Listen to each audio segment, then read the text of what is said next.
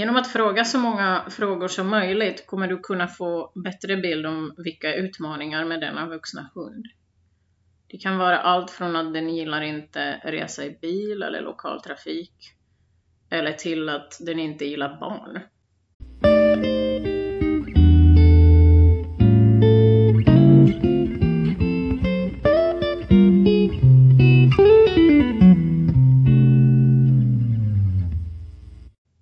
Hej och välkomna till Valpkonsultpodden. Det är jag som är valpkonsulten och jag heter Petra Harvankova. Valpkonsultpodden är podden som vill vara här för dig som går i valptankar. Syftet med Valpkonsultpodden är att hjälpa människor att göra mer medvetna avsiktliga val när de ska köpa hund eller en valp. Jag vill tacka Comfort Hotel Kista för att låta mig spela in denna avsnitt. Om ni reser till Stockholm och behöver ett trevligt och avslappnat ställe att sova på så är Comfort Hotel Kista ert ställe. Tack! I den första episoden av Valpkonsultpodden har jag pratat om fyra resurser som du behöver ha om du vill skaffa en hund. Idag vill jag dyka in i tankarna kring frågan vilken valp eller hund ska jag köpa? Så när du har kommit fram till att du har resurser för att köpa en hund är nästa frågan om du vill ha en valp, en ung hund eller en vuxen hund. En annan vanlig fråga är, ska jag köpa en särskild ras eller en blandras? Jag kommer idag gå djupare in på nackdelar och fördelar med att skaffa valp respektive vuxen hund. Jag vill också prata om hur du ska tänka om vilken typ av hund du ska kunna köpa. Jag kommer prata om rashund versus blandras lite senare. Ta en stund nu och fundera vilken typ av hund du skulle vilja ha och varför. Fråga dig själv, i vilket syfte vill jag ha en hund? Vad ska jag göra med min hund? Några förslag på användningsområden för hundar är sällskap, vän till dina barn, skydd, en särskild aktivitet som att jaga, valla, uppfödning, utställning eller tävla i olika grenar. Eller för att utföra en särskild sport med din hund som hundkörning. Eh, för status, eh, det är en anledning som inte är så klokt. Eller en kombination av alla de eh, ovan. Vanligaste hundar man skaffar som status är hundar som anses vara för skydd eller hundar av ovanliga raser. Och om du funderar på att köpa en ovanlig ras, eh, kolla först vad är anledningen till att den är ovanlig för att undvika möjliga nackdelar. Jag ser processen av att köpa en hund som en genomtänkt process, då hundar är levande varelser med känslor. Det målet ska vara att jag, eller vi som en familj, kommer vara den enda ägaren denna hund kommer att ha. Såklart finns det oförutsedda händelser i våra mänskliga liv och det kan alltid hända att till exempel min partner blir svårt sjuk och jag måste fokusera på att ta hand om min partner. Och då kommer jag behöva omplacera min hund. Det är livet som händer. Men man ska alltid köpa hund med tanken om att hunden kommer vara en familjemedlem och att jag eller vi kommer ta hand om den. Det är alltid förknippat med större risk att eh, köpa en vuxen hund. Min erfarenhet är att många som äger en hund och för någon anledning vill omplacera den är inte helt ärliga med den nya ägaren. Detta troligen för att de tror att om de är ärliga kommer ingen vilja ta över deras hund. Äldre hundar som inte är valpar är antingen omplaceringar eller hundar som inte blev sålda som valpar av olika anledningar. En anledning att valpen inte blev såld kan vara att uppfödaren ville behålla hunden för att den var en potentiell bra avelshund. Men senare visade det sig att något var fel på hunden. Detta är ofta utseendemässiga fel, som till exempel att hunden saknar en permanent hand eller liknande från utställning diskvalificerande egenskaper. En annan anledning kan vara att någon har köpt valpen och sedan ångrat sig och lämnat tillbaka valpen till uppfödaren. Äldre hundar kan bli omplacerade av många olika anledningar. En anledning kan vara förändrade familjeomständigheter. En annan rätt så vanlig anledning är att folk säger att någon i familjen har blivit, blivit allergisk. Det kanske stämmer många gånger, men jag har alltid misstänkt att det är mer en ursäkt som människor använder när de har svårt att erkänna att eh, de har gjort ett icke genomtänkt köp av en hund och efter bara några veckor eller månader inser att det var för mycket för dem att hantera. Och det kan faktiskt vara för mycket att hantera. Valpar är ofta väldigt krävande och är man inte riktigt beredd på det eller är inte alla i hushållet, om det är ett hushåll på flera personer med på banan om att gemensamt klara av den första eller de första två svåraste år med hund, så kan det vara mycket och svårt att klara av. Det finns också en del unga hundar som omplaceras för att det är något problem eller några problem som djurägaren inte har möjlighet, kunskap, färdigheter eller resurser till att lösa. Med resurser menar jag tid eller pengar eller båda. Dessa problem är ofta orsakade av något litet eller stort fel som ägaren har gjort under hundens uppväxt som leder till ett beteendeproblem eller oönskat beteende. Alltså något som hunden gör som vi inte vill att den gör. Detta kan vara allt från att vakta resurser som mat eller leksaker till att visa aggressiv beteende antingen mot hundar eller människor. Det finns såklart många andra beteendeproblem. Nu nämnde jag bara tre av dem.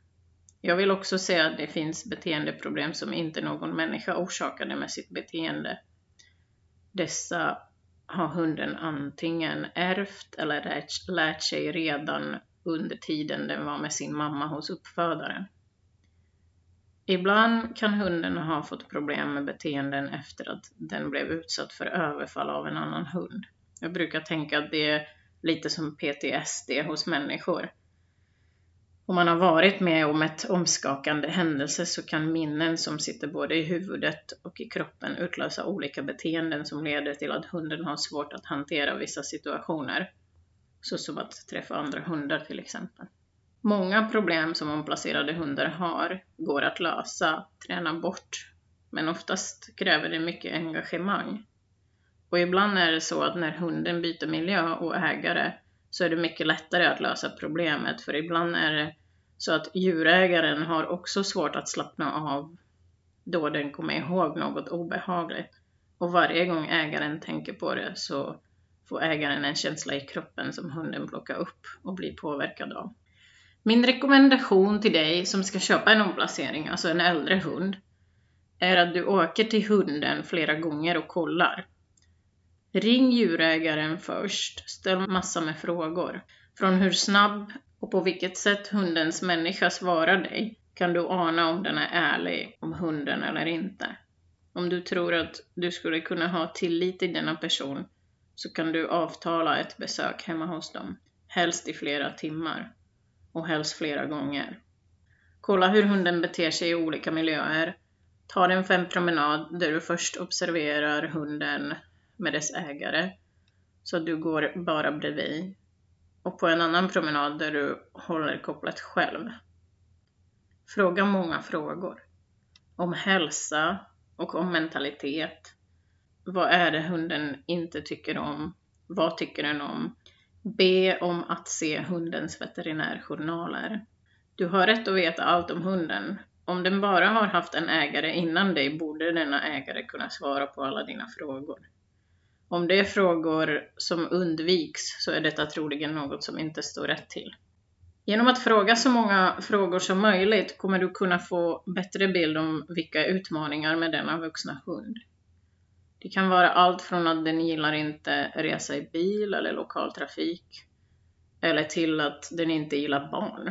Det finns saker som man alltid kan träna bort, alltså oönskade beteenden, såsom vaktande av resurser eller ägandezoner. Men till exempel hundar som är aggressiva mot människor och utredda för smärta och fortfarande aggressiva är inget jag rekommenderar att du ska köpa. Det är många gånger så att hunden visar vissa beteenden hos sin ägare som den inte visar hos den nya ägaren. Det kan bero på många aspekter men många gånger är det så att den nya människan har en annan typ av ledarskap eller lyckas helt enkelt skapa en bättre relation till hunden där hunden känner sig trygg.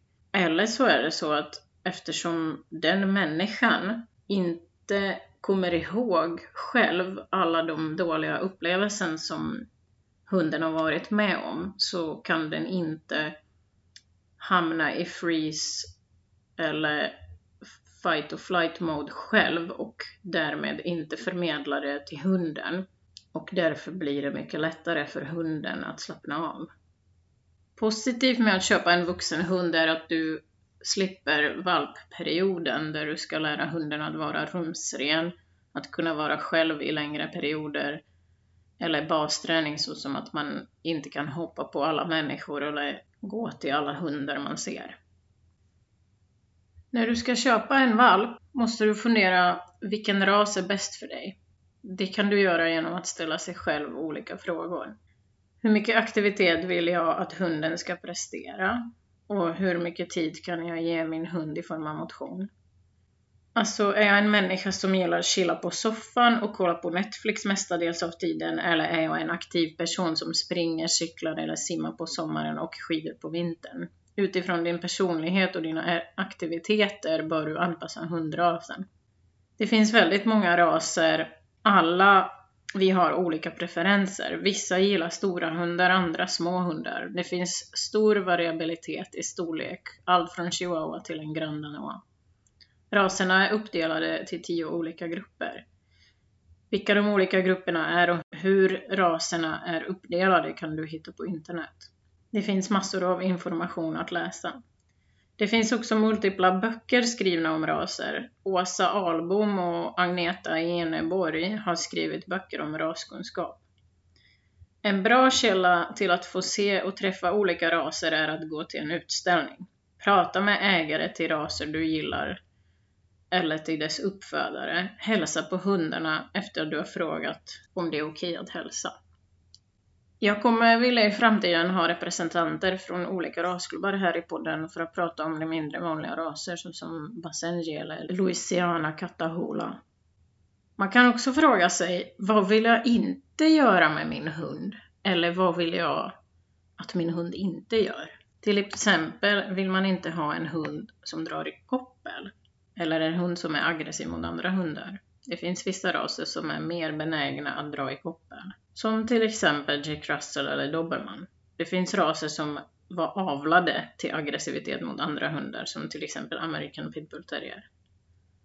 Så vill du ha en hund som inte vill mocka gräl, skaffa inte American Pitbull Terrier eller blandraser av dessa. Eller så kanske vill du inte ha en hund som skäller. Skaffa då inte chihuahua eller prästski eller en liten schnauzer. Vissa terrierraser och vallande hundar skäller mer än andra raser. Bor du i en lägenhet, skaffa en basenji som aldrig skäller, eller en saluki som är oftast också väldigt tysta. Du kanske absolut inte vill jaga med din hund eller aktivera din hund på det sättet som den är avsedd till att jobba. Skaffa dig inte brukshund eller jakthund då dessa behöver jobba.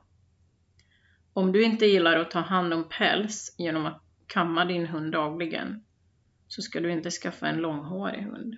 Många långhåriga hundar behöver professionell pälsvård minst en eller två gånger om året. Tänk på det. Du kanske inte vill vara hos veterinären väldigt ofta.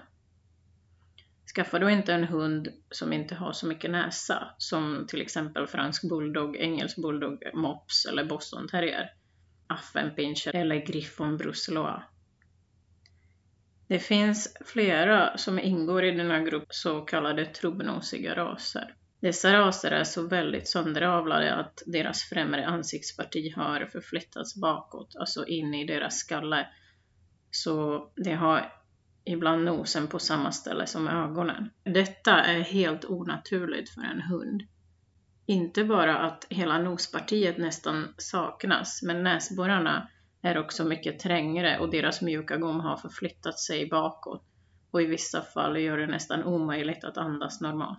En annan ras som är rätt sjuk är schäfer. Rasen har mycket hudproblem, framförallt allergier och senaste 15-20 åren har rasstandarden förändrats så mycket att hundarna nästan går på sina haser. Du kan be om sjukdomsstatistik hos olika raser på Agria. Agria är ett försäkringsbolag som har funnits väldigt länge och har en utförlig statistik över de vanligaste diagnoser som ställs av veterinärer i hela landet.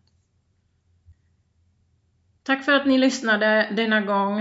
Eh, jag hoppas att ni har fått några insikter kring vad man ska tänka på när man väljer om man vill köpa en valp eller en eh, vuxen hund. Och om man ska köpa en ras eller blandras, det tänker jag ta upp nästa gång. Det är jag som är valpkonsulten. Ni hittar mig på olika sociala medier. Hör gärna av er och kommentera och kom med feedback på förbättringar och förslag på teman och folk, experter som ni skulle vilja se här. Så blir jag jätteglad om ni också ratear min podd. Jag vill eh, tacka en gång till att ni kom och lyssnade på mig. Hopp och lek!